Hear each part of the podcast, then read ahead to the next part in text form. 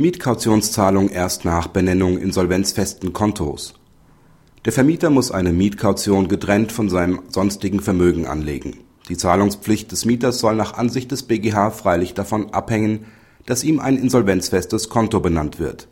Die Mieter verweigern die Zahlung der vereinbarten Mietkaution mit der Begründung, dass sie erst dann ihre Sicherheit leisten müssten, wenn ihnen der Vermieter ein gesondertes, den gesetzlichen Anforderungen entsprechendes Konto benannt hat Daraufhin kündigt der Kläger das Mietverhältnis und verlangt Räumung und Herausgabe, was ihm der BGH versagt, weil seine Kündigung unwirksam ist. Denn die Beklagten durften die Zahlung davon abhängig machen, dass der Vermieter ihnen zuvor ein insolvenzfestes Konto benennt.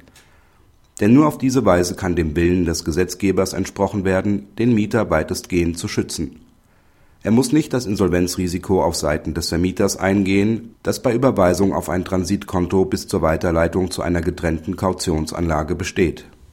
Kritik Die Entscheidung ist mit dem Gesetzeswortlaut nicht in Einklang zu bringen.